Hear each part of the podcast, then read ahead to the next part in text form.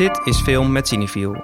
Iedere aflevering pakken we goede films waar we bij Cineviel niet over uitgepraat raken. Films die gedachten oproepen en anekdotes bovenhalen en die ons weer aan andere films doen denken. Vandaag hebben we het over Poor Things, de nieuwe hit van regisseur Yorgos Lantimos en actrice Emma Stone. This is Bella. Ba, ba. Bella, this is Mr. McCandles. Hello, Bella. Terwijl Lantimos zich in Poor Things uitleeft met een doldwaas scenario en dromerige decors en kostuums, kan Stone helemaal los in de rol van Bella. Een levend experiment dat wordt losgelaten in de 19e eeuw. Bella ziet eruit als een vrouw van de wereld, maar haar hersenen zijn nog maar een jaartje oud. Niet voor niets probeert haar maker, wetenschapper Godwin Baxter, haar thuis te houden.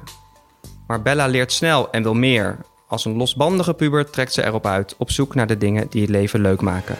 I am Bella Baxter, and there is a world to enjoy, circumnavigate. It is the goal of all to progress, grow. A woman plotting her course to freedom. How delightful. We gaan het hebben over het werk van Yorgos Lantimos en waarom hij zijn personages altijd zo raar laat praten. En we gaan straight to the source, terug naar het boek van Mary Shelley over Victor Frankenstein en het monsterlijke, maar ook gevoelige wezen dat hij losliet in de 19e eeuw. Mijn naam is Jesse Heines en ik ben redacteur bij Cineviel. En naast mij aan tafel zitten mijn collega's Jente Buskus en Laura Murphy. Hallo. Hallo. Ja, over tot leven gewekt gesproken. Welkom terug, Lauren. Hallo. Dankjewel, zo voelt het ook wel een beetje, ja. Voor de mensen die pas in 2023 naar ons zijn gaan luisteren. Lauren is een OG podcast-gast, podcastmaker bij Cineviel. Ja, OG Cine, Cinevieler. Jij was even met andere dingen ik heb iets anders tot leven, ik heb ook iets tot leven gewekt. Oh ja, ja, precies. Ik heb een baby gekregen, ik ben er weer. Fijn dat je er weer bent. Ja, heel fijn om er weer te zijn. Ja, Gezellig. Ja, een leuke film om weer eh, mee te beginnen. goeie... Je vond hem goed, hè? Zeker, Ja. echt van genoten, ja. Ja. Echt een leuke film.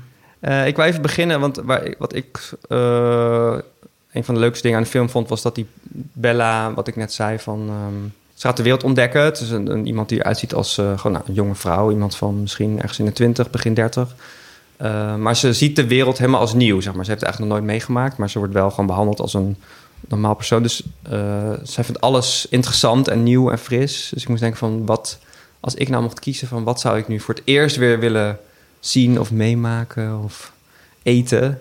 Ze heeft dan op een gegeven moment eet ze een pastel de nata. En Ja. dat- Echt het... Ik kreeg er meteen zoveel zin in. Ja. Ja, goede Ja. pastel de nata is ook moeilijk, Ja. toch? Ja. Is er iets wat jullie in je hoofd hebben van... ik, oh, als, ik, als ik dat nog een soort van zou kunnen vergeten hoe het was... en dan nog een keer kunnen beleven... Ja, ik, ik denk dat, dat we ons hele leven als volwassenen op zoek zijn naar dat soort sensaties, toch? En dan vaak het juist zoeken in hele extreme dingen. Terwijl eigenlijk zou ik juist die hele simpele dingen waar je dan nog steeds iedere dag van geniet, als je dat voor het eerst mag meemaken. De eerste keer zwemmen zonder zwembroek, bijvoorbeeld. Weet ik nog wel, ik dacht, dit is toch zo heerlijk. Chill. Dit is zo, Is dit is gewoon een van de lekkerste ja. dingen die er zijn. Maar dat wordt dan op een gegeven moment is dat dan niet meer sociaal oké, om dat gewoon overal en nergens maar te doen. Terwijl kinderen doen dat natuurlijk de hele dag door. Ja, Dus dat zou ik wel als kind weer voor het eerst... Ja, lijkt, Ja. ja. zou ik dat wel weer willen zwemmen voelen. zonder zijn broek. Ja, Op zich is dat wel te regelen, toch? Van, even ja, dat is wel te dipping Maar het is nooit voor het eerst. Maar niet voor het nee, niet eerst, voor het ja. eerst. Nee. Oh, ik heb het eh, met heel veel films, dat ik... Zelfs films die ik nog niet heb gezien... dat ik al het gevoel heb dat ik ze heb gezien... omdat het zulke klassiekers zijn dat ze overal in zitten. Bijvoorbeeld Mhm. The Godfather. Die heb ik volgens mij pas gekeken toen ik al twee jaar film studeerde of zo. Ehm, en toen ik die keek, dacht ik... oh, ik ken dit allemaal al. Zeg maar, het paard in het bed ken ik al. Ik ken de, eh, de deur die dicht gaat aan het eind... en het licht-donker contrast. Alles was al ooit in parodie of pastiche in iets teruggekomen... omdat Mhm. zoveel Een kopie van een kopie. kinderprogramma's en series en alles verwijst naar dat soort films. Dus dat vind ik, daar heb ik soms heel erg FOMO voor. Dat je die, die echte filmklassiekers nooit helemaal naakt kan kijken. Ja. Had dat weer met de Simpsons, dat had ik dan heel veel gezien. Mhm. En daar zit inderdaad alles in. Ja, en dan ja, zie je dan een film en denk je... oh, dit was daar voorbij. Die aflevering. Ja. Ja. ja, en jij? Ja, ik had, ook, ik had het bij film eh, gehouden. Ik moest aan Star Wars denken, omdat volgens mij heb ik eerst deel, nou, deel 2 of deel 5, Empire Strikes Back gezien. En toen deel 1 in de bioscoop, alles door elkaar. En het is nu ook een soort van toxic fandom zit eromheen. Ik vind het helemaal niet meer leuk, alles wat er nu wordt gemaakt. Terwijl ik, vroeger was het echt het ding. Echt magisch. Ja. En ik moest denken aan eh, gewoon iets van iets heel simpels eten. Of zo chocola misschien. Dat je Of citroen. Citroen. Wow. Zuurs. is een hele heftige reactie. Ja. Ja. en iets zuurs wat... En dat, dat ik met, sorry dat het meteen weer gaat over wat ik, het leven wat ik heb gecreëerd. Maar als, als, als je een kind hebt, dan leef je natuurlijk ook... Soort Oh van, ja, zie je ook ja. al die sensaties Ja. voor het eerst. En zuur is echt zoiets wat dan en heel vies is en heel lekker. Oh ja. Ja, Waar je ze gewoon soort ziet van, schrikt van de Dit sensatie. is too much, maar ik wil het meteen weer. Ja. en dat gevoel, dat, eigenlijk heb je dat nog steeds als volwassene ook wel een beetje. Ik Ja. hou nog steeds heel erg van zure matten en zo. Maar het is nooit weer zoals de eerste keer. Ja. Ja. Oké, zure matten. De Godfather en En, Star in- je naki eh, zwemmen. Nou, gaan we allemaal doen dit jaar. Ja. Het zijn ook allemaal dingen die ik Bella wel zie doen. Ik denk dat Bella het ook heel leuk zou vinden om naar Star Wars in En daar IMAX te daar iets van gaan. te vinden. Oh, ja, En daar iets van te vinden. Ja, zo van, wat de fuck is dit? En dan heel Ehm, hard schreeuwen tegen het scherm. Of iets gooien. Of Ja, zo, precies. Weglopen. ja, waar, zeg maar, waarom moet je, moet je stil zijn als je naar een film kijkt? Dat is ook iets wat Bella zich. Maar dan geloven ook, het zijn ook mensen die dat helemaal niet doen. Of sommige Er zijn festivals. zeker mensen die daar niet in Sommige geloven. mensen die het doen terwijl je het wel zou willen. En sommige festivals zo waar het dan toch juist normaal is om heel veel lawaai te maken. Wat ook Oh ja. wel grappig Ja. kan zijn. Als Ja. je allemaal, maar dan, moet, dan wordt het een soort groepsding. Ja. Niet iemand die in zijn eentje schaamteloos doorheen zit te het praten. gewoon doet. Ja. Eh, we gaan zo verder over Bella. Eerst Ja. even naar eh Jorgos Lantimos, regisseur van, van deze film. Hij heeft het scenario niet geschreven, volgens mij, of Nee. deels. Het is gebaseerd op een boek. Ehm, en ja, ik moet bij Jorgos Lantimos altijd... Ik zie hem altijd een beetje als een soort van figuur... wat heel erg is meegroeid met Cineviel. Met, zeg maar, we bestaan, Onze mascotte. ja, maar zo voelt het wel een beetje. Ja. Want de Cineviel bestaat eh, ongeveer 15 jaar. En ik weet nog heel goed, heel goed dat ik was zelf begonnen met bij Cineviel werken in 2009. En toen was ook ongeveer de tijd dat Doctor draaide. En daar ging ik gewoon heen van, ja, ik heb niks beters te doen. Wat is dit? Geen idee. Ik heb een Cineviel pas. Ik ga hier maar naartoe. En toen bleek het echt een fucking goede film te zijn. Ehm, uit Griekenland, waar normaal gesproken ook niet heel veel films vandaan Ja. komen. Voor een Oscar genomineerd toen ook. Ja, voor beste buitenlandse Ja. film. En sindsdien heeft hij heel soort van regelmatig films uitgebracht... die ook eh, misschien op Elps, zijn tweede Griekse film... of zijn derde Griekse film... maar de tweede die ook in Nederland eh, uitkwam... eh, echt enorme hits waren. Je had dus Dogtooth, Elps... en toen in 2015 ging hij over op Engelstalig met The Lobster... Eh, daarna Killing of a Sacred Deer en The Favorite. Eh, en wat ook heel erg cinefielig aan is... zijn de acteurs waar hij mee werkt... Mhm. Olivia Colman, eh, Colin Firth, Nicole Kidman, Emma Stone. Ehm, Binnenkort weer eens een nieuwe film, ook weer Emma Stone. Ja. Ja, die hebben, die hebben elkaar echt gevonden nu. Ja. En zij is nu ook een van de producers van deze film. Vond ik ook wel eh, opvallend. En ook Barry Keoghan in wel echt een van zijn grootste doorbraakrollen toen, toch? In The Killing of a Sacred Deer. Ja. Dat hij pasta eet als een Ja. Zo goed. Zo Oh mijn god, eng. die scène is zo fantastisch. Hij is sowieso wel goed in, in talenten. Nou, dat klinkt dan alsof het zijn, zijn verdienste is. Maar in Mhm. ieder geval de juiste mensen bij een project betrekken. En Bij ook dit- iets eruit halen wat ze misschien nog nergens anders hebben gedaan. Precies, ja. Dus heel vaak inderdaad cinematografen, maar ook ehm, in dit geval ook de, de Tony McNamara, dus bijvoorbeeld die het scenario heeft geschreven. Die heeft verder best wel weinig gedaan. Is een Australische scenarist. En had hij The Favorite, heeft hij samen met iemand anders geschreven. En dit is pas zijn tweede keer dat hij met Jorgos Lanthimos samenwerkt. Maar als je kijkt naar... Hij heeft nu al bijna een soort eigen stijl van dialogen schrijven. En gewoon zo herkenbaar dat je bijna niet kan geloven... dat hij best wel een kleine track record heeft Mhm. verder. Ja. Ehm, dus dat is wel, dat, dat typeert Lantimos voor mij ook wel. Dat hij vaak een soort team om zich heen inderdaad verzamelt van andere hele eigen gerijde, interessante figuren. Ja, precies. Want hij maakt ook eh, een beetje van die high-concept films... die ook heel goed dan bij Cineview passen. Van het, is, het is een soort van makkelijk te verkopen... maar het is niet een Hollywood-ding of zo... zoals bijvoorbeeld The Lobster... wat gaat over een hotel waar je dan je, partner voor life moet ontmoeten... en als het niet lukt binnen zoveel dagen verander je in een dier... Dat in combinatie met eh, Colin Firth, zeg maar in de hoofdrol, is gewoon voor Cineville een soort gouden combinatie. En Elps was ook heel interessant. Het ging over mensen die je kon inhuren als je een dierbare was verloren. Eh Dogtooth ging over eh, twee zussen en een broer die door hun ouders soort van thuis worden gehouden. En een soort van alternatieve realiteit krijgen voorgeschoteld. Puur omdat ze niet weten hoe de wereld echt in elkaar zit. Ik kan me een scène herinneren dat ze in de tuin lopen en dan komt er opeens een kat de tuin binnenlopen. Of eigenlijk een kitten. En daar zijn ze heel erg bang voor, omdat ze door hun ouders altijd zijn verteld van... oh, een, een kat, kat is is, het gevaarlijkste dier je- wereld. Levensgevaarlijk wezen. Ze eten vooral kindervlees. Het is gewoon, eh, ja, de, eh, los van misschien de favorites... zijn het allemaal van die, van die concept... Een soort gedachte-experimenten ook, toch? Ja. Wat nou als. En wat hier wel leuk aan is, is dat dit en... Het is en een hele grote productie, wat de favorite... Hij, hij gaat eigenlijk natuurlijk steeds een, een trapje hoger. Ja. Dus dit is ook gewoon Searchlight, grote, grote distributeur. Ehm, maar alsnog houdt hij het dan wel klein. Dus bijvoorbeeld de, de, de componist bij deze film... had ook nog nooit eerder een, een, eh, eh, een filmscore gedaan. Ah, ja. Ja, Oh. nog nooit. Hij heeft gewoon één popalbum geschreven met soort vage liedjes. En dat vond Lantimos dan vet. Jurskin Vendrix heet hij.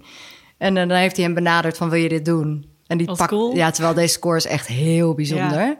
Eh, maar dat du- durft hij dan dus wel aan, ook een beetje om zijn star power. Want Lantimos heeft inmiddels ook best wel wat star power natuurlijk. Ja. Dus die kan dan wel naar zo'n studio toe gaan en zeggen: ik dit is hoe ik het wil doen. Ja, hij mag doen Dus wat hij blijft wil. wel trouw aan zijn leest. Ja. Maar wat ik leuk vind hieraan is: dit is eigenlijk de eerste keer dat hij zijn gekke gedachte-experiment wel naar een soort naar onze wereld trekt. Het is weliswaar het verleden. En het is ook, daar gaan we het zo over hebben, maar hoe het eruit ziet is natuurlijk heel fantastisch. En Mhm. niet hoe de wereld er echt uitziet. Maar het is niet een totaal verzonnen universum. Oh ja, Ja, die andere films zijn heel erg afgesloten. Behalve Ja. de favorite, maar dat speelt zich dan ook echt alleen maar af in dat paleis. Ja. wat- waar we ook niet echt buiten komen.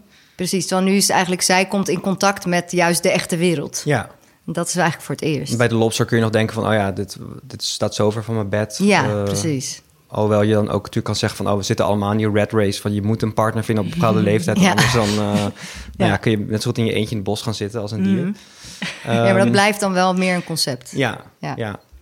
Eh, en nog een laatste ding waar we misschien ook wat meer over kunnen zeggen... is dat wat bij zijn film altijd meespeelt is de taalgebruik. Eh, in Dogtooth bijvoorbeeld eh, krijgen die kinderen die dus thuis moeten blijven... krijgen een soort van alternatieve realiteit... maar ook een alternatieve taal voorgeschoten... waarin woorden, een lepel daar betekent totaal iets anders dan een lepel in onze wereld. En ook hier bij ehm, Poor Things, Bella is... ja, eigenlijk een soort van nieuw mens in het lichaam van een jonge vrouw. Maar dat nieuwe mens moet ook leren lopen, maar ook leren praten. Dus ze praat heel gek. Ze zegt hele gekke constructies, heeft andere woorden voor, voor dingen. Wat, wat zegt dat taalgebruik in zijn films? Wat is dat voor een... Waarom blijft dat maar terugkomen? Heb je daar een idee bij? eh? Ja, ik denk ten eerste dat hij met hele goede scenaristen samenwerkt. Maar ehm, wat mij vooral bij, bij zijn films opvalt... is dat de, de films van Lantimos allemaal een beetje gaan over... eh, vragen stellen over de, de manier waarop we de wereld hebben ingericht eigenlijk. Dus sociale regeltjes, eh, autoriteiten... eh, alle dingen die we soort van voor waar aannemen. En waarom we dat eigenlijk doen. En een van de manieren waarop hij dat dan bevraagt is door te spelen met taal, met lichaamstaal. En de manier waarop taal eigenlijk je hele wereldbeeld vormgeeft. Dus ehm, ja, in, in Dogtooth is dat super letterlijk. Is dat echt het, het kader waardoor de personages de wereld zien. Zij krijgen eh, een soort van cassettes van hun ouders... met daarop dan vocabulairlessen van hun moeder... Ehm, en dan is het zo een woord met een definitie. En eh, zo kom je er dus als kijker ook achter dat ze gewoon woorden totaal verkeerd aangeleerd krijgen. Ehm, maar dat zijn ook hele specifieke woorden, want ze praten verder eigenlijk best wel gewoon normaal. Anders kon je de film trouwens ook totaal niet volgen natuurlijk. Maar eh, bijvoorbeeld, ja, eigenlijk zijn het allemaal woorden die over connectie met de buitenwereld gaan. Bijvoorbeeld, eh, eh, telefoon heeft dan volgens mij de definitie van stoel, zoals we die in onze woonkamer hebben. En snelweg is het woord voor het zout. Dus als ze zeggen, kan je me het zout aangeven? Dan zeggen ze, kan je me de snelweg aangeven? Ehm, en daarmee, eh, dat, dat, dat is ten eerste gewoon een hele fucked up manier van je kinderen onder controle houden. Maar het is ook, eh, zorgt dat ervoor dat die kinderen überhaupt niet kunnen bedenken dat er een wereld buiten hun huis is. Als jij je kind eh, heel graag binnen de poort van je tuin wil houden. En je gaat ze vertellen van nou, buiten de poort van de tuin. Heb Dan heb je een snelweg. en de zee. En er zijn telefoons waarmee je met andere mensen kan praten. Ja, dan gaat dat kind dat ook willen zien. Terwijl Ja. als dat kind denkt... de wereld is het zoutvaatje wat op tafel staat... dan, dan is dat de wereld en daarbuiten is eigenlijk niks. En Dogtooth is eigenlijk een hele letterlijke ehm, versie... van hoe die met taal speelt in al zijn andere films omdat je daar heel duidelijk ziet dat eh, wie controle heeft over taal, eigenlijk controle heeft over alles. Dus ook over het handelen van andere mensen. Ehm, En daar is het heel formalistisch eigenlijk, toch? Ja. Dus heel, eh, wat minder subtiel ja, precies. dan in de films daarna. En je ziet het ook in hoe die kinderen uiteindelijk dan wel weten te rebelleren. Namelijk door te dansen zoals het dansje in Flashdance. Zeg maar, ze hebben niet de woorden om te, uit te drukken dat ze... Ze kunnen niet zeggen van, oh, ik wil de snelweg op. Mhm. Maar ze kunnen wel Flashdance zien en dan Denk ik, dit wil ik ook. de- denken, dit wil ik ook. En dan gewoon heel wild en, en gek gaan dansen. Wat gewoon soort van buiten die hokjes... of buiten dat strakke keurslijf van die familie valt. En datzelfde idee zie je eigenlijk ook in Poor Things. ehm, waarin eh, die wetenschapper Goldwyn...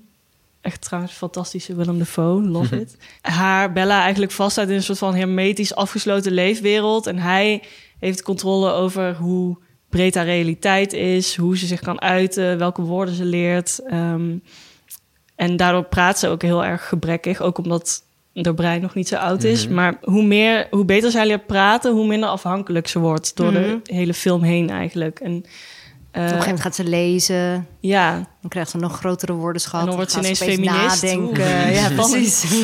Eh, en, en dus hoe meer ze ook eh, de absurditeit van de werkelijkheid gaat bevragen. Dus waar Dogtooth eigenlijk een hele absurde wereld is, waar wij als kijker naar kijken en zeggen van, "Huh, dit is super raar, is het bij Poor Things eigenlijk tegenovergestelde dat er iemand de echte wereld inkomt en die, die vraagtekens zet bij onze wereld. Ja. Dus huh, hoezo, hoezo moet ik heel netjes walsen als ik in een balzaal ben met, Ja. met deze man die mij moet leiden? Ja. Nee, ik wil gewoon een soort van raar rondstampen buiten het ritme. En gewoon, Hoezo moet ik eten in mijn mond houden als ik het eigenlijk gewoon heel vies vind? ja, hoezo moet ik netjes ja knikken aan, Ja. aan een tafel met mensen die hele saaie gesprekken Mhm. voeren? Ja.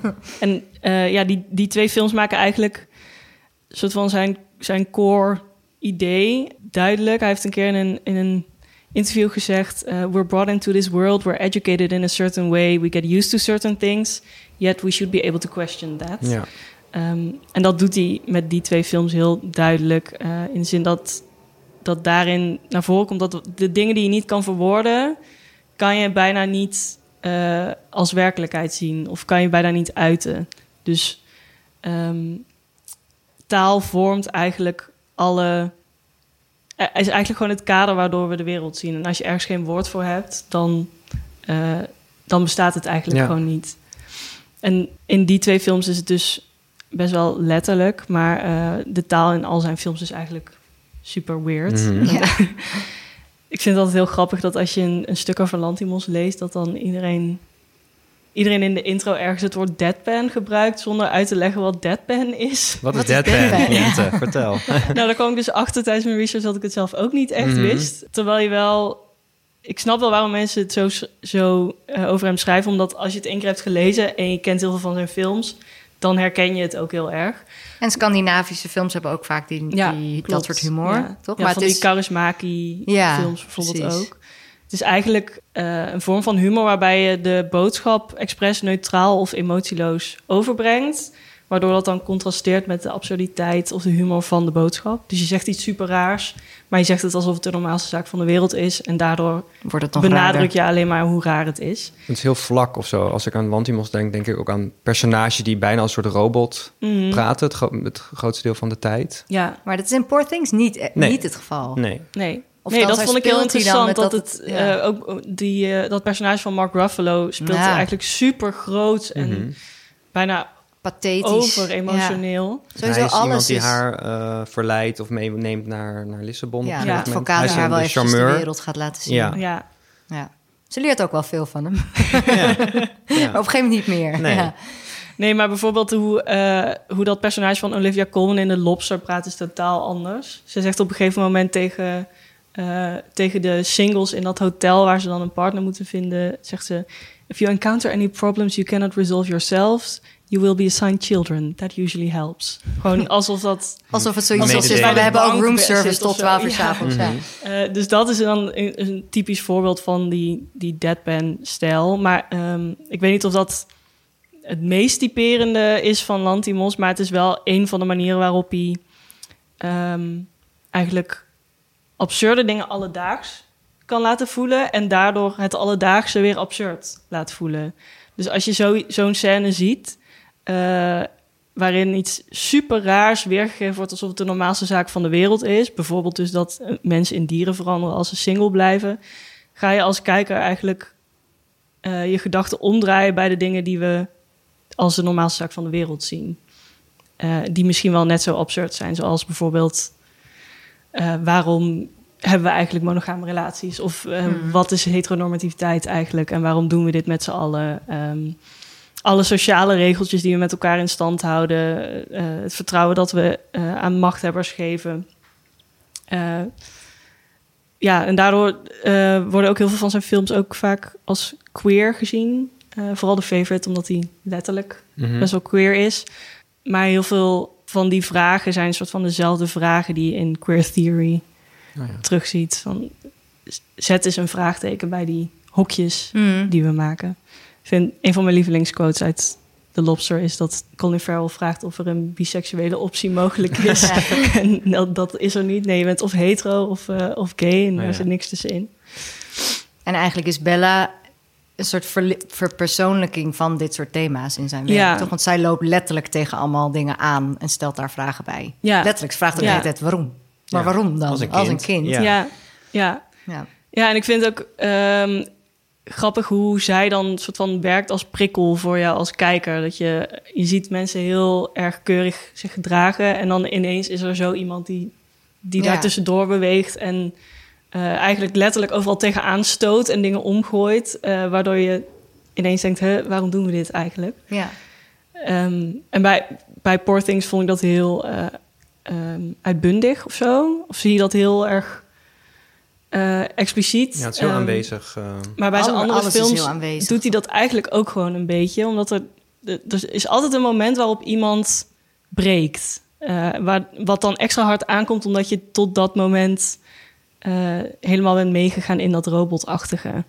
Dus eh, ja, als, er, als je de, de favorite kijkt, dan ben je eerst drie kwartier naar hele statige dingen aan het hof aan het kijken. En al die, alle regels die daarbij horen. En dan op een gegeven moment zegt Rachel Weisz ineens... I like it when she sticks her tongue inside of me.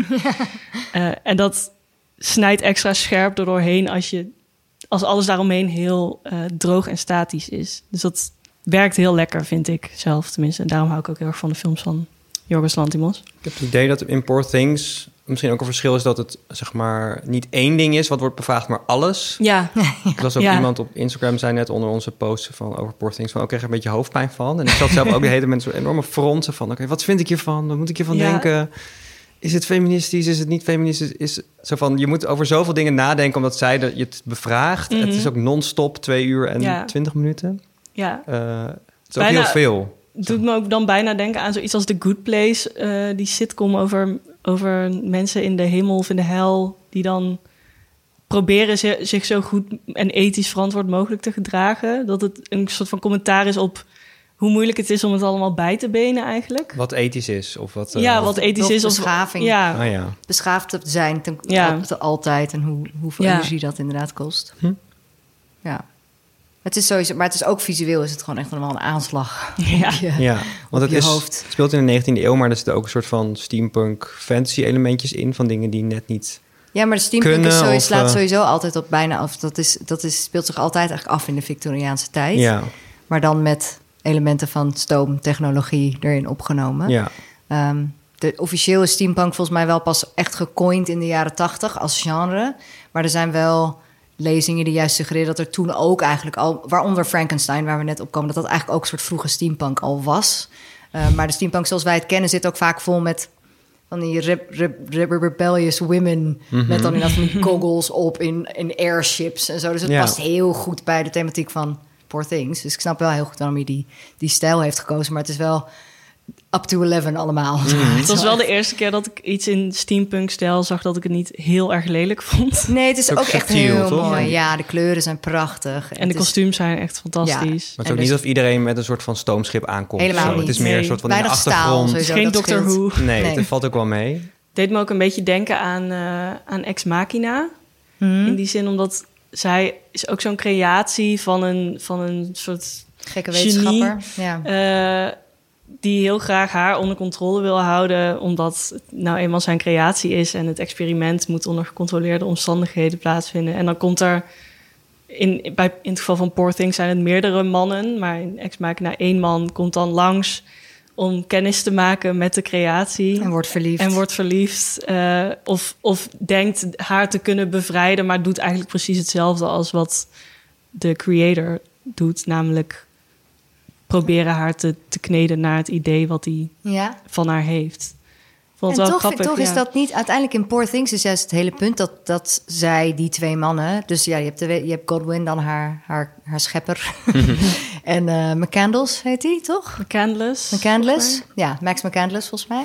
Eh, die dus zijn, inderdaad zijn eh, protégé of zo. Hij, hij loopt met hem mee en hij wordt verliefd op haar. Hij moet eigenlijk eerst op haar, op Bella letten. En haar progress meten. En dan op een gegeven moment eh, krijgt hij gevoelens voor haar. Maar het punt is juist dat ze haar wel laten gaan. Mhm. Ja. Toch? Dus Ja. dat. Is, dat is, uiteindelijk is de moraal Maar wel juist... met Schoorvoetend, schoorvoetend, maar wel vrij snel. Ze en, zijn ook en- wel relaxed over. Maar ook omdat Ja. ze met een andere man meegaat, toch? omdat zij zegt, ik ga dit doen. Omdat je denkt dat ze dat doen omdat ze, omdat ze anders die man moeten... eh, dat hij, ja, hij zegt wel, ik neem haar mee. Ja. Ja, maar ze zijn wel zo van, oh, eh, ze is nu daar en daar. Oh, ze heeft die man gedund. Dat boeit ze verder niet zoveel. Nee, ze zijn er best wel relaxed over. Ja, Volgens mij vanaf het moment dat ze dan uiteindelijk denken van... oké, ga maar, dan zien ze het ook als een vervolg van het experiment. Ja. Ja. dus Ja. van, oké, kijken wat er... Gewoon interessant, kijken Ja. wat er Ja. gaat gebeuren. Ja. Eh, wat natuurlijk een groot onderscheid is met alle andere Frankenstein-achtige verhalen... waarin juist die, het niet de bedoeling is dat het monster er vandoor gaat. Eh, dus dat is juist haar vrijheid ehm, onderscheidt dat dit verhaal daar heel erg van. Ja. Mhm. De vrijheid die haar ook wordt gegund. En ook de acceptatie die daar uiteindelijk ook in. Ze wordt wel Mhm. geaccepteerd door haar omgeving. Ja. Ondanks dat ze hele rare dingen doet. Ehm, ja, want Frankenstein... eh, het is niet hetzelfde verhaal, maar het lijkt er wel erg op geïnspireerd. Dat is ook natuurlijk een creatie van een, van een gekke wetenschapper. Wa- waarom... Waarom we toch het hier altijd weer, over? altijd, altijd weer Frankenstein, een boek uit eh, begin eh, 19e eeuw. ja. Eh, Het is, Poor Things is gebaseerd op een boek... wat Poor Things heet, van Alistair Gray, een, een Schotse schrijver... die het wel duidelijk op Frankenstein heeft geïnspireerd ook. Dus dat- volgens mij steekt ze dat ook niet onder stoelen of banken. nee. Ehm, en Frankenstein zelf is inderdaad inmiddels meer dan 200 jaar oud. Ja. En nog steeds, ja, het komt gewoon nog steeds overal terug. Ik bedoel, er is deze maand net weer ook, er komt nu net een film uit die heet Lisa Frankenstein. Van Diablo Cody en de dochter van Robin Williams, Zelda Williams. Over een tienermeisje die de man van haar dromen gaat bouwen. Maar meer om aan te geven, want het is gewoon echt, het houdt niet op. Ja. Ehm, ja, het origineel, voor wie het niet eh, kent. Want wat iedereen vaak in zijn hoofd heeft, is een beetje dat groene monster van vier meter lang. Ja. Met stalen bolten door zijn hoofd. En dat is eigenlijk vooral het gevolg van de eerste grote Frankenstein-productie van Universal, van die monsterreeks met eh, Boris Karloff. Van James Whale, daar ziet hij er zo uit. Maar Ja. in het boek van Mary Shelley is het volgens mij meer een soort hoop vlees. die door een soort gekke alchemie, dus ook niet door elektriciteit of zo, maar door, door een soort vreemde onduidelijke wetenschappelijke ontwikkeling ehm, tot leven wordt gewekt uit dode materie die hij heeft verzameld uit het abattoir en, eh, en slachthuizen. Ja, dat Echt goor. Echt Ja. goor, precies. Waardoor je ook ergens kan voorstellen, want dat is wat er in, de, in het originele verhaal gebeurt, is dat hij zich, dat dokter Frankenstein, dus de dokter heet Frankenstein, niet het monster, Mhm. nog steeds een fout die vaak eh, Klassieke gemaakt fout, wordt. Nog op IMDb, volgens mij nu ook bij de nieuwe film van Ja. Guillermo del Toro, staat ook dat, het, dat degene die het monster speelt Frankenstein heet. Ehm, maar is dat eh, de dokter naar die hoop vlees kijkt die hij tot leven heeft gewekt en zich rotschrikt en daar heel erg bang van wordt en meteen vlucht. Ehm, dus daar, daar komen we zo op. Maar ja, het boek is eh, geschreven door Mary Shelley toen ze 18 jaar was. Dat is elke keer weer denk ik, hoe... Oh my god. Ja, ehm, Wat doe ik met mijn leven? Ja, Maar Zit er een 18 beetje te toen was, eh, podcasten? was 40 nu. Of, ja, eh, ja, true. Ehm, Je moest wel. ze, heeft het, ze heeft het geschreven toen ze 18 was. Het kwam uit. Of ze heeft het. Ze heeft in ieder geval een spookverhalenwedstrijd om, met haar vrienden. Weet je, ze had- was vrienden met Lord Byron en haar geliefde Percy, Percy Shelley. waren allemaal van die intellectuele types. En ze waren toen in Frankrijk, verveelden zich. Er was een storm en iemand zei: Wie kan het beste spookverhaal schrijven? Ehm, en zij heeft toen dit verhaal geschreven. Eh, en het is een aantal jaar later uitgekomen, eerst zonder haar naam op de publicatie. En toen twee jaar later met haar naam op de publicatie, waarna, waarna het meteen werd neergesabeld door alle critici die er eerst over aan het jubelen waren.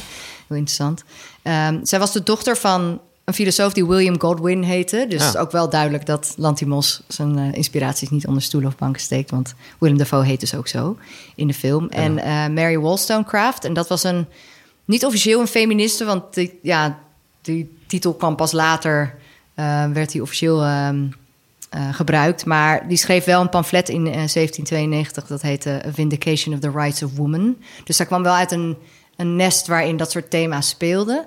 Ehm, maar zij was daar zelf niet in haar leven heel actief mee bezig. Maar het was natuurlijk wel een hele prestatie dat zij eh, op haar leeftijd toen dat boek schreef. Mhm. Eh, het was vlak voor de Victoriaanse tijd. Maar ehm, ja, Lantimos heeft er dus wel voor gekozen om het, om het niet in haar tijd, maar ietsje later te situeren.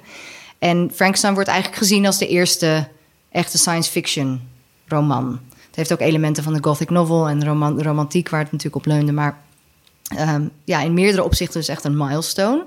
En het gaat over Victor Frankenstein, dus een dokter die, ehm, die een, eh, een wezen creëert... waar hij vervolgens heel bang van wordt en zich direct van afkeert... en dat wezen gaat wraak nemen op alles en iedereen om hem heen. Eh, omdat het een soort kleinkind is die zich niet gezien voelt. Dus dat dus wezen heeft iets Zoveel in... daddy issues zitten er Zoveel in. daddy issues. Iets in, in en in angstaanjagends, maar ook heel tragisch. Ja. Altijd. Dat maar er zit ook iets in, weet ik nog wel, van dat monster eh, verstopt zich ergens bij een huis. En dan leert hij door af te luisteren bij een blinde vader... een soort van hoe het leven van mensen eruit ziet. Zeg maar. Ja, Dus net als hij Bella eigenlijk... eh, Ja, is het ook een soort van... Een, het monster bekijkt ons leven en dat omarmt hij ook wel... maar dan gaan die mensen hem ook weer wegjagen... omdat Ja. hij er zo monsterlijk uitziet. nou ja, en dat is denk ik... Het, uiteindelijk, er zijn inmiddels dus meer dan 150 Frankenstein-films gemaakt. Er zijn eindeloos veel theaters. Er is net weer een theaterstuk uitgekomen... waarin het gelijk wordt gesteld aan de transervaring. Het, zeg maar, het, is, het wordt, Oh, de, het, zeg maar, de Frankenstein is echt een eindeloze bron van analogieën en Het is ook inspiratie. eigenlijk, toen het, dat boek uitkwam, was het eigenlijk ook al een soort van herinterpretatie van al die creation myth verhalen. Toch? Ja. Je hebt al een Griekse mythe volgens mij over een, volgens mij een beeldhouwer die een beeld tot leven wekt en er verliefd op wordt of zo. Zeg maar dat, dat Ja. creëren en Dat voor God spelen Voor God eigenlijk. spelen, dat een- en de ethische dilemma's die daarbij komen kijken... vinden wij Ja. natuurlijk heel interessant. Van waar, waar houdt dan je verantwoordelijkheid naar dat wezen op? En je relatie met je creator. Ja, Ja. Dat is ook precies. fascinerend. Ehm, dus nou, het is duidelijk dat, dat mensen daar gewoon heel veel mee kunnen. Ja, en wat jij net zei, Jesse, dat er ook... er zit ook een, eh, de vraag in van hoe, hoe gaan we inderdaad om met onze creatie... en in hoeverre is het kwaad wat het monster dan op een gegeven moment gaat belichamen... zit dat in ons? Of zit heeft hij dat aangeleerd? In, of heeft hij dat aangeleerd of wordt hij daarmee ge- geboren slash gecreëerd? Of komt dat omdat we hem afwijzen en eenzaam... Er zitten ook heel veel thema's in van existentiële eenzaamheid. Wat doet dat met levende wezens? Eh, medemenselijkheid, hoe gaan we met elkaar om? Ja. Ehm, Xenofobie. xenofobie, precies. Ehm, ja, en het boek zit in de public domain, dus iedereen kan er gewoon mee aan de haal. Ja. Dus er zijn 150 officiële films waar Frankenstein in zit, maar er zijn er nog talloze veel meer waar, eh, waar er iets mee is gedaan. Ehm, bijvoorbeeld Rocky Horror Picture Show is ook eigenlijk een Frankenstein-verhaal. Eh, ja, en eh, heel veel mensen zijn er ook fan van. Het is in de kern ook een, een soort coming-of-age verhaal, wat met name Guillermo del Toro altijd aanhaalt. Want het is ook een, een boek over eigenlijk tiener zijn of opgroeien. Geschreven door een tienermeisje ook. Met, hij omschreef het als: You don't belong. You were brought to this world by people that don't care for you. And that you're thrown into a world of pain and suffering and tears and hunger. nou ja, en daar moet je dan je plek in zien te verwerven. Ja. En dat doet Bella natuurlijk eigenlijk. Die moet ook haar plek op, in de wereld opeisen. Ja. Dat is, dus die thematiek zit er, ehm, zit er zeker in. Verschil met Bella is wel dat zij een soort privilege heeft van... ze kan lekker op reis naar Lissabon, eh, geld zat. Ze kan echt doen wat ze wil. ja, Ze kan al haar geld weggeven en dan terug, terugkeren bij huis. Maar ik, dat, dat, dat, er staat in die zin het niet... is wel een geprivilegeerd monster. Ja, dat, Ja. dat- zeg maar dat... Niet alsof iemand haar weg gaat sturen omdat ze lelijk is of zo. Nee, of dat ze inderdaad... Nee, maar daar zit ook natuurlijk, in die zin is het ook eh, wel dat surrealisme van Lantimos. En het is ook totaal onrealistisch dat zij als vrouw in haar eentje, want ze is een deel van de film ook in haar eentje, dat dat allemaal zomaar goed zou gaan. Nou ja. Mm. Eh, dat zat ik wel ook de hele tijd te denken van ja, het is Ja. ook een, een soort droomwereld waarin ze dat allemaal maar mag exploren, Ja. zonder dat er eigenlijk enige echte repercussie Mhm. in zit. Behalve dat mensen er af en toe eh, Boos eh, worden, boos op ja. worden omdat ze Ja. hun hart heeft gebroken of Ja. zo. Het is, niet, ze moet Het is even- ook niet alsof ze een SOA krijgt of zo. eh. Nee, nee, precies. Ja, nee, dus in die zin is, ik denk het grootste verschil voor mij, in ieder geval toen ik Poor Things keek, tussen het originele Frankenstein-verhaal en dat van haar is dat er, dat er een positieve draait, een goede en te kwade. Want het is dus ook overgeromantiseerd misschien, maar het is vooral een, een het is in de kern een positief verhaal. Zij wordt, waar we het net over hadden, ook zij wordt geaccepteerd door haar omgeving, door haar creator, wat heel belangrijk is. Hij wijst haar niet af, hij houdt van haar. Ja. En dat, dat, daar werd ik wel heel blij van eigenlijk. Dat zij, is, zij is niet angstaanjagend, ze is niet tragisch. Ze is gewoon best wel blij met het leven wat haar is gegeven. En dat is op een bepaalde manier... Frankenstein is altijd, eh, blijft altijd zielig. En Bella is helemaal niet zielig. Dus dat, Nee. en dat is wel, het is op een bepaalde manier een hele mooie afsluiting van die arc van Frankenstein door de 200 jaren heen. Dat dit, wel niet dat het hierna afgelopen gaat zijn, want dan Nee. gaan natuurlijk nog, weet ik veel, hoeveel makers nog mee aan de haal. Ehm, maar dat, dat het wel, ik vind het wel een soort mooie afsluiting van die tragiek van Frankenstein. Dat Bella eigenlijk verder gaat waar al die andere Ja. verhalen gestrand zijn. Ja. Ehm, en ook dat Godwin, haar, haar maker, heeft ook met heel andere ehm, ethische vragen te maken dan dat Dr. Frankenstein heeft. Dus hij, hij geniet van dat hij niet zo goed weet waar het naartoe gaat. Toch, hij zegt ook af en toe van, oh, it's interesting what's Ja. happening here. It's interesting. Dus eigenlijk krijgen zij allemaal een soort redemption binnen dat originele verhaal. Ja. Maar ook, ze zijn ook een beetje pathetisch. Vooral dat personage van Mark Ruffalo. Ja. Zeg maar, ik vind het wel grappig dat de zieligheid juist weer de gewone mensen zijn eigenlijk de zielige figuren in Vooral de hoe erg ze zichzelf mannen, beperken toch? in hun levensvreugde door allemaal zelf opgelegde regeltjes. Eh, waarom zou je niet 100 pastel de nata's gaan eten als je Ja, daar zin in hebt? ja. Dus dat is ook wel een leuke. Nou, dat is ook dat de zij vraag. zoveel leven, levensvreugde heeft of zo dat je er gewoon jaloers op wordt. Ja, ja. En dat eh, het zijn voor de, je kan je afvragen of die titel inderdaad op de mannen in haar omgeving, die poor things, op de mannen slaat. Of op wij allemaal die maar proberen iets van het leven te maken. Eh, en Bella die daar als enige niet poor thing alles van maakt. Mhm. Ja. Ehm, En nou is het natuurlijk ook nog zo dat eh, het verschil met Frankenstein origineel en de- is dat dit over een vrouw gaat, zeg maar, maar er natuurlijk ook hele andere thema's. Ja, en er worden daarin heel veel dingen op, op hun zeg maar, omgedraaid. Dus je hebt in het origineel is het ook eigenlijk de kern, volgens mij, van, van Frankenstein, het originele verhaal, is dat je vooral niet te veel ambitie moet hebben als mens. Want dat kennisvergaring leidt tot verschrikkelijke ellende. Want kijk wat er gebeurt als je voor God wil spelen. Terwijl hier er zowel in zit dat Godwins creatie niet alleen maar leidt tot ellende, maar ook nog eens dat Bella als en dan ook nog als vrouwfiguur juist door heel veel kennis te vergaren alleen maar meer macht Ja. vergaart op een, Ja. op een goede manier. Ja. Ja. Dus dat is een totale omdraaiing van de originele eh, van oh oh Ja, kennis is juist vrijheid. kennis is vrijheid, Ja. precies. En niet is gevaarlijk. nee, nee. En zij is inderdaad een ehm, ja, ook als je feminisme en Frankenstein googelt, ben je echt dagen zoet. Dus ik denk ook niet, ik denk dat het gevaarlijk is om daar te diep in te duiken. Of als je nu. Poor Things en Feminism googelt, ben je ook daar. ben je ook flink, eh, Geïrriteerd. En ja, en, en dat haakt natuurlijk allemaal in elkaar. Want Mary Shelley, daar zijn ook heel veel discussies over in hoeverre Frankenstein feministisch was of niet. Het is misschien aan zich al een feministische daad van haar om dat te schrijven. Maar er zitten bijvoorbeeld heel weinig of geen sterke vrouwelijke personages in het boek. Eén klein bijpersonage waar Frankenstein wel de taal van leert. Dus dat is wel interessant. Maar je zou het ook juist kunnen zien als de vrouwen in Frankenstein in het origineel worden allemaal of totaal monddood gemaakt of ze gaan letterlijk dood. Eh, maar dat kan ook juist een kritiek zijn van Shelley op het patriarchaat. Dan zeggen, kijk, dit is hoe vrouwen behandeld worden nu. Mhm. En dat dat binnen de mogelijkheden die zij had... toch een soort van standpunt was wat ze aan wilde nemen... door juist te laten zien hoe verschrikkelijk het was. Ehm, want er is ook Frankenstein, de, het monster van Frankenstein... wil niks liever dan een vrouw die hem een kind gaat schenken. Dus Ah, dan ja. de dokter gaat, staat dan onder druk op het punt om wel een vrouw voor hem te gaan creëren. Die later in Bride of Frankenstein ongeveer vijf minuten screentime kreeg. Wat ook heel pijnlijk is. Is dat een creatie van Universal? Of zat dat Univer- in het Bride boek of? Frankenstein is een, is een creatie van Universal. Maar in het originele boek zit dus wel dat er een poging tot een vrouwelijk monster wordt gecreëerd.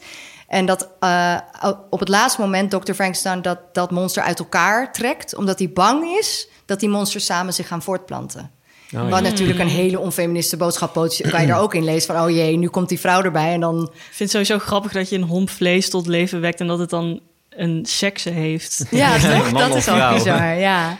Ehm, terwijl in Poor Things gaat het juist heel erg over van in, dat Bella eigenlijk helemaal geen moederinstinct heeft. Ze zegt op een gegeven moment roept ze ook van wait a moment, I'm, gonna, I'm just gonna smack this baby of zo. Ja. Zo'n baby aan het huilen. Ehm, Oh in het restaurant. Ja. ja, precies. Eh, dus er zitten, ja, je kan het denk ik op heel veel manieren interpreteren. Ehm, zowel Poor Ja. Things als het originele Frankenstein. Nou ja, ga daar vooral dus allemaal op googlen. Ja, of niet. Wat je wil. Ja, ik vind het wel interessant hoe Lantimos dan niet alleen met taal spreekt, maar speelt, maar ook met lichaamstaal eigenlijk. Dat de controle over je lichaam hebben, niet, niet alleen in figuurlijke zin, maar ook gewoon letterlijk hoe je beweegt en wie daar iets over te zeggen heeft. Dat dat zo erg in verband staat met hoeveel vrijheid je hebt en eh, hoe je je verhoudt tegenover mensen die macht over je hebben, bijvoorbeeld. Dat in, in Frankenstein, in die oude film, zeg maar, beweegt zo'n monster zich net zo lomp eigenlijk als Bella. En daarin is het heel eng en een soort van een gevaar.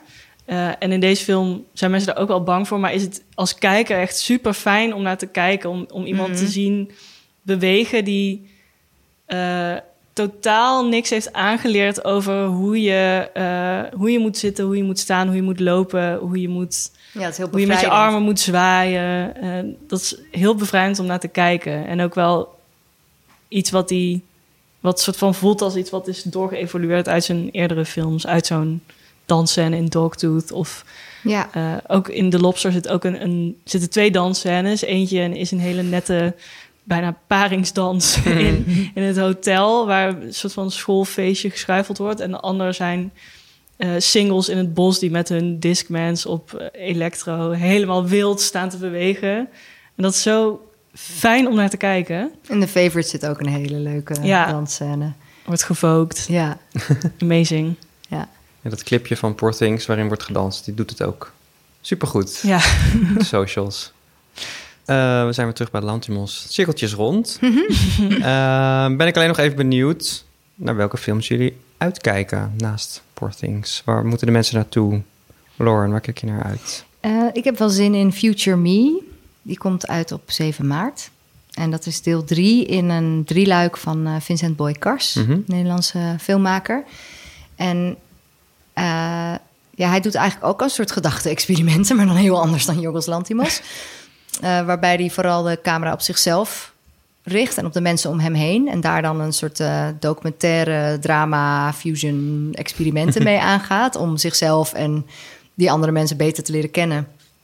En eh, dit keer richt hij hem echt letterlijk op zichzelf. Dus de vorige Drama Girl was dan. ehm, was, nam hij een hoofdpersonage die dan haar eigen leven moest naspelen. Maar nu gaat hij zelf zijn eigen leven laten naspelen door een acteur. Martijn Lakenmeijer. En daar dan allemaal. Eigenlijk als ja, allemaal vignettes en scènes mee vormgeven die volgens mij dienen als, als therapie. En dat kan dan mogelijk een heel navelstaarderig ego-document worden. Dat zal het deels misschien ook wel zijn. Maar ik denk dat in zijn handen vind ik het wel altijd heel interessant om te zien wat daaruit komt. Ja, Eh, het is ook niet nieuw dat filmmakers dat doen, maar het wel, eh, hij heeft daar wel een hele eigen stijl in gevonden. je hebt echt zijn eigen hoekje Ja. gemaakt. Ja. Dus het lijkt me ook lastig dat dat dan je laatste in de trilogie is. En wat ga je daarna dan ja, doen? hierna moet het iets Ja, anders worden. Maar goed, voor nu is het dit. En dan wil ik heel graag zien hoe die dat, eh, hoe die dat afsluit. Ja, leuk.